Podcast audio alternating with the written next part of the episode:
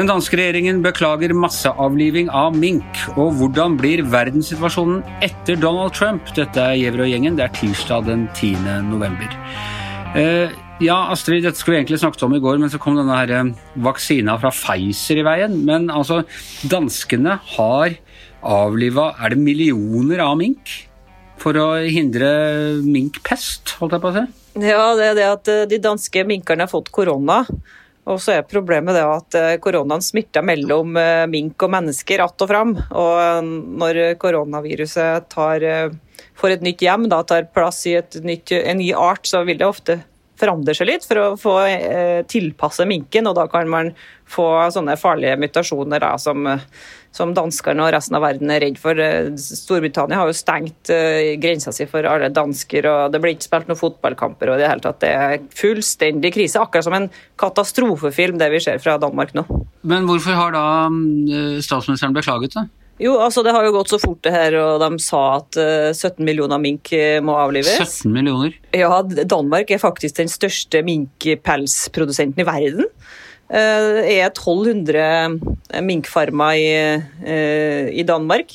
Så det er en kjempestor næring og et kjempestort problem for alle de familiene som er rammet nå. Da. Men eh, så vises det etterpå at på Folketinget i parlamentet, danske parlamentet så var ikke opposisjonen enig.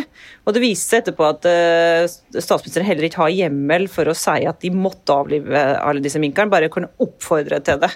Men nå tror jeg likevel at Eh, dette pelsdyravleslaget, eller hva det nå heter på dansk, eh, er enig i at eh, minken må avlives. For det har nok gått litt fort, det her, men likevel så har altså mm, koronasmitten blant mink spredd seg så fort. og ja, Det er vanskelig å få kontroll kontroll på det bare ved å avlive den ramma minken. Det, det, er overalt nå, det er et kjempeproblem uansett uh, mutasjon eller ikke. Men hvis uh, det rammer mink, det betyr at det da kan ramme andre dyr? altså andre, Hva, hva om bikkjer begynner å få det? Katter? Kjæledyr i det hele tatt? Blir det, blir det masseavliving av kjæledyr da, i så fall?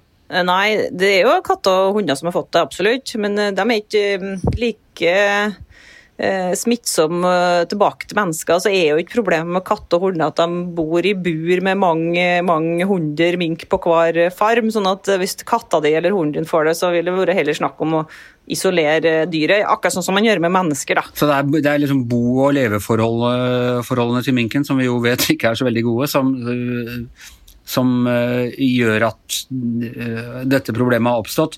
Det kan teoretisk også det, er ikke en annen form for virus enn det katter og hunder vil få? Jo, altså, Det er nok slik at minken er enda mer mottakelig for eh, å få den sykdommen. her. Det er litt tilfeldig. Vi har sett det med SARS, og der var det noe som heter Civic Cats og Raccoon Dogs, som var vert, mellomverten i hvert fall.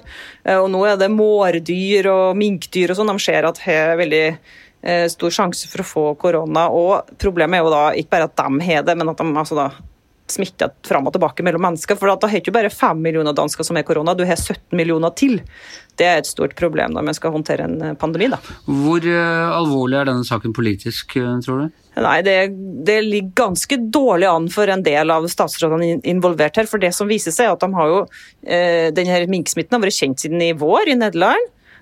Og så har den også vært kjent i Danmark. Bare så sent som for to uker siden så snakka vi om den. Eh, advart politikerne. Det var ingen som reagerte eh, på at smitten var løst. Da de prøvde bare å, å avlive ramma dyr, men det gjorde ikke noe særlig mer. Og så ble det først nå, når det ble snakk om en cluster five, farlig mutasjon, at eh, de våkna. Og da tok de så sinnssykt i. Og det ble jo snakk om at Danmark kunne bli det nye Wuhan, altså den kinesiske byen eh, som har opphavet ja, til koronaviruset. Og, og, at det kunne bli en ny pandemi, en Danish flu. Um, så Uh, da, da, gikk de for langt igjen. så Først uh, reagerte de nok antageligvis for seint, og så når de først reagerte, så gikk de litt for langt. Så det, den håndteringa har vært kritikkverdig. Men er dette et varsel om uh, ting som kan komme? Altså smitte blant dyr og mutering som forverrer situasjonen, eller er det først og fremst da sånn type pelsdyrhold eller andre typer dyr som holdes så tett? Nei, Eksperter har altså advart mot det helt siden ja, januar-februar. at Det er stor fare for at når viruset først går globalt, at det finner bolig, en ny bolig et ny art, og at det kan bli et reservoar for viruset. Og da er altså da faren enda større for mutasjoner som er litt farlig. Da. Og det som er farlig med den mutasjonen som de har funnet i Danmark, det er at eh, de ser i laboratoriet at antistoff som vi laga, det virka ikke like godt for, mot den varianten.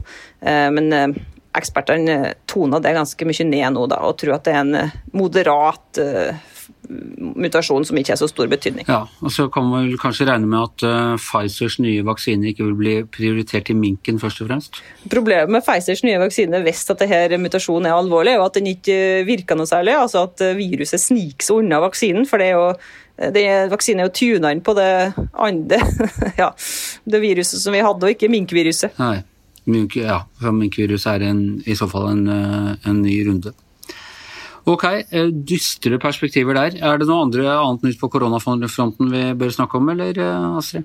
Ja, altså har du et par timer, så er det 1000 innlagte på svenske sykehus i dag, og det er 130 på, på intensiven. Og landet som eh, skulle være immunitetens høyborg, der er jo da 20% av alle smitta i Stockholm, i hovedstaden, som av de testa, da. Eh, og det er jo enda verre i Frankrike, forresten. Der blir halvparten av de som er testa, får positivt svar, så det er jo helt eh, forferdelig. Heldigvis er jo dødsfallene fortsatt ganske lave, så vi får håpe at det Eh, at det ikke blir så høy som i, i, runde to. Men nå var det akkurat pressekonferanse i Sverige med de svenske folkehelsemyndighetene, og de sa at vi må, må regne med at det vil, dødstallet vil øke i, i ukene framover. Og de stramma enda mer til i forskjellige regioner. Nå sa de at hvis du skal spise middag, så spis den med familien, og du skal ikke gå på nøyesshopping i Sverige. Ok, nøyesshopping er, er forbudt, altså.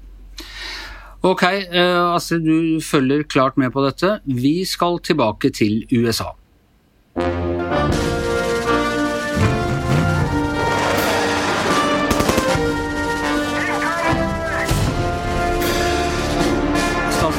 Hele verden har eh, gratulert eh, Joe Biden med presidentvalget, før eh, republikanerne helt har anerkjent hva som har skjedd.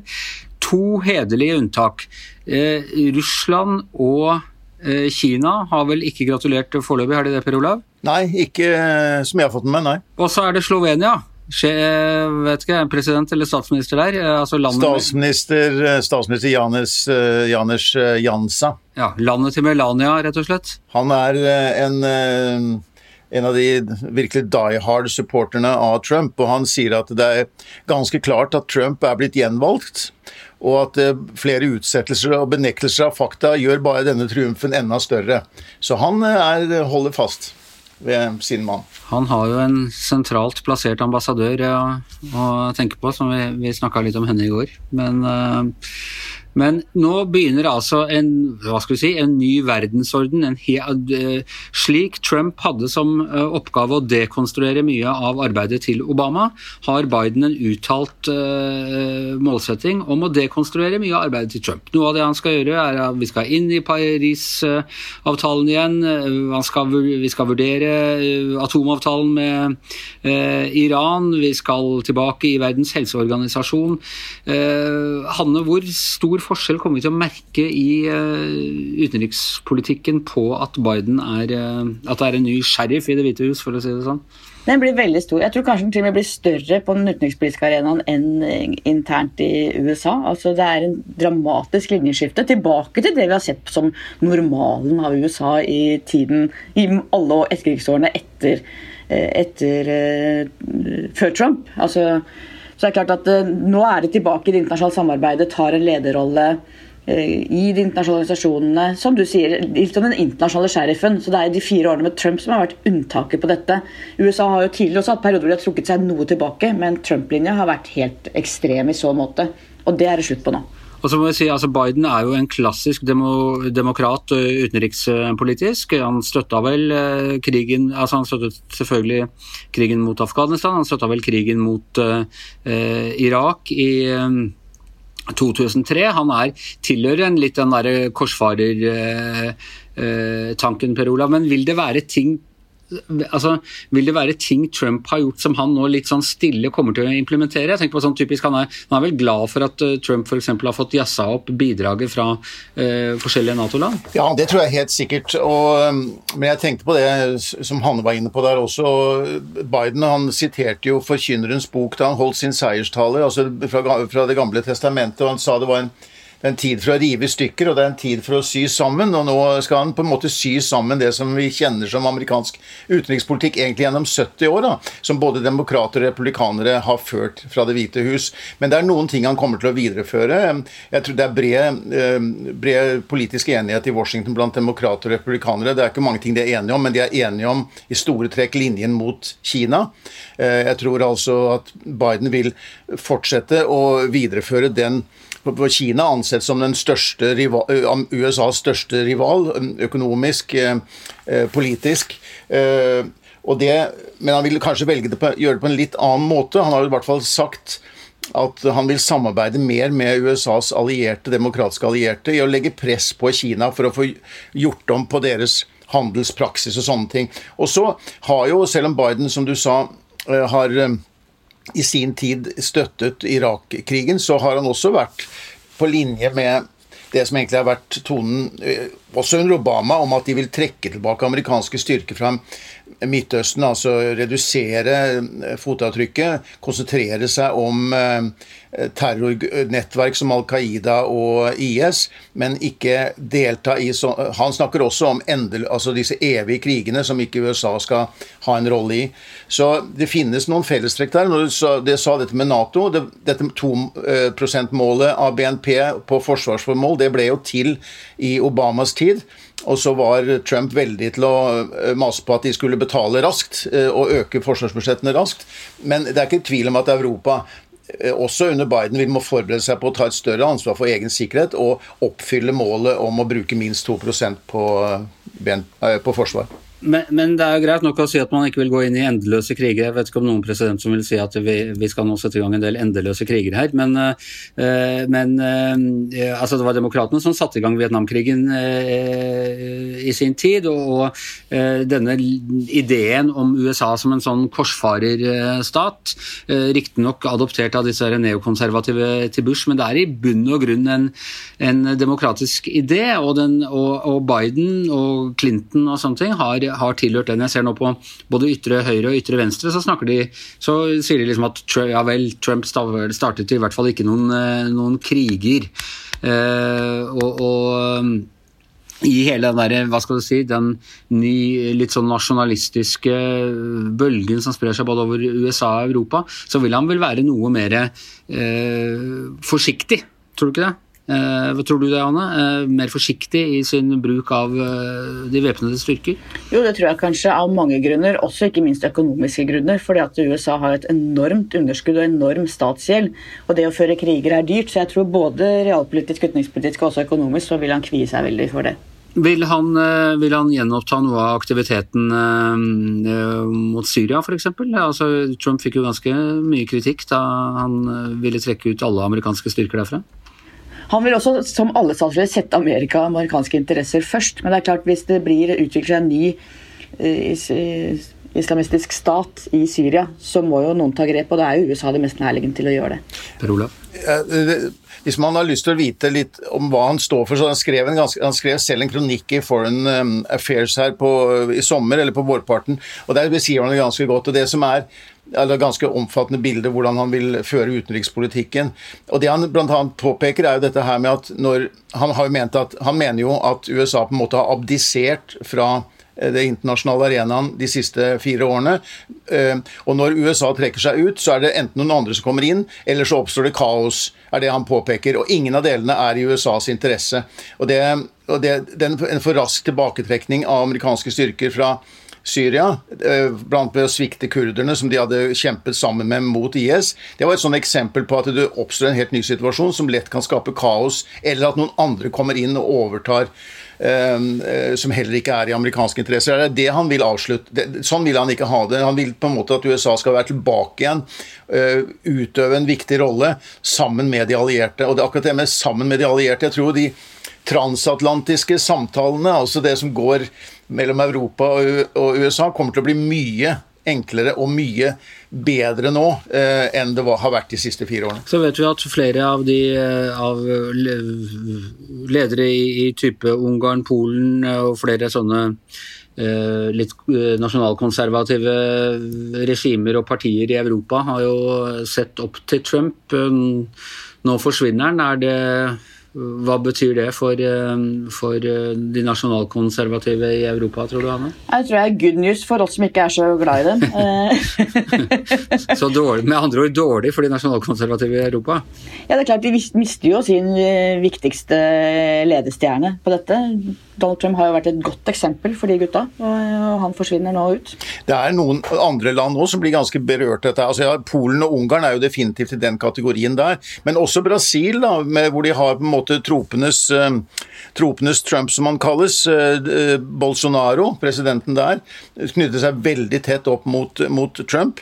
Men også i land som Israel, India og som har på en måte hatt en veldig nær kontakt og nær forbindelse med Trump-administrasjonen, men også i Storbritannia, egentlig. fordi at eh, Trump var jo tilhenger av brexit og var jo støttet opp om det og, lovte britene en veldig god handelsavtale og sånt. Det, nå kommer britene litt i annen rekke, altså, for de er ikke, de er ikke, jeg tror ikke de Eh, Biden er veldig opptatt av å redde denne fredsavtalen om Nord-Irland og, og, og, holde det ved like, og at ikke brexit skal komme i veien for disse tingene.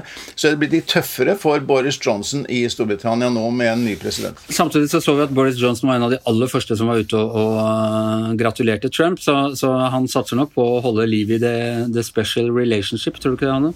Jo, han skjønte at det måtte han gjøre. Han skjønte at nå var han i trøbbel, uh, og da agerte han kjapt. Jeg er ikke sikker på om det er nok til å å redde han, for å si det sånn. Men så må vi kanskje også huske på det at jeg tror nok at eh, selv om Biden har snakket mye om utenrikspolitikk og sagt at eh, USA skal inn i Parisavtalen fra dag én, inn i WHO, altså Verdens helseorganisasjon fra dag én, og han skal, han har, så tror jeg nok amerikanerne kommer til å bli ganske fokusert på innenrikspolitikk første, de første månedene og det første året. Altså, det er så mye å ta tak i i USA nå med korona og med økonomisk eh, eh, krisepakker at eh, det er jo ikke sikkert vi får, kommer til å se det mest aktive USA ute på en, en annen tone, også en annet innhold, tror jeg, men det blir kanskje mer tydelig utover i denne perioden. Og bare for å si det, Vi diskuterte teamet fra VGTV og jeg diskuterte her om kvelden at nå har vi vært her i mange mange uker.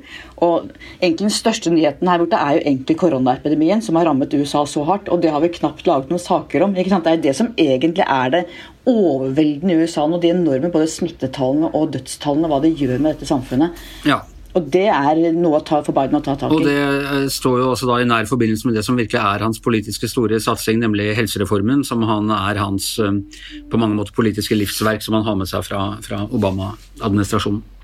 Ok, eh, det kommer ikke til å mangle på arbeidsoppgaver for den eh, snart 78 år gamle Joe Biden når han, når han en gang får lov til å slippe inn i Det hvite hus. Det blir også spennende å se når det blir. Giæver og gjengen er over for i dag. Hvert sitt hjemmestudio. Per Olav Ødegaard og Astrid Mæland. Hanne Skartveit på hotell fra Washington DC. Jeg heter Anders Giæver, og mannen som eh, ikke forandrer strategi for det om de skifter en president eller diktator eller to ute i verden, heter Magne Antonsen og er produsent. Det høres igjen i morgen.